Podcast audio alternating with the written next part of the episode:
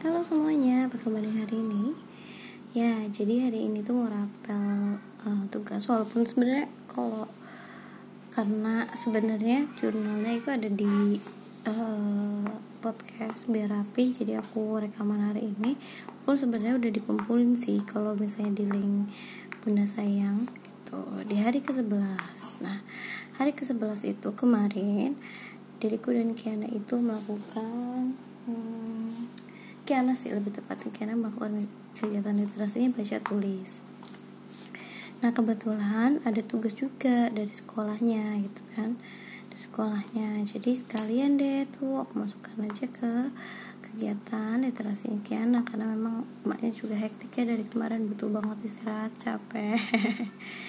Emak perlu waras. Nah itu kegiatan baca uh, kegiatan menulis menebalkan huruf terus mengarang lagu lagi terus uh, bernyanyi gitu bernyanyi dari situ. Nah itulah kegiatan yang kemarin di hari ke 11 dan dia udah mulai bisa dari kegiatan. Jadi dulu tuh kayak asal tarik garis aja gitu kalau misalnya nulis.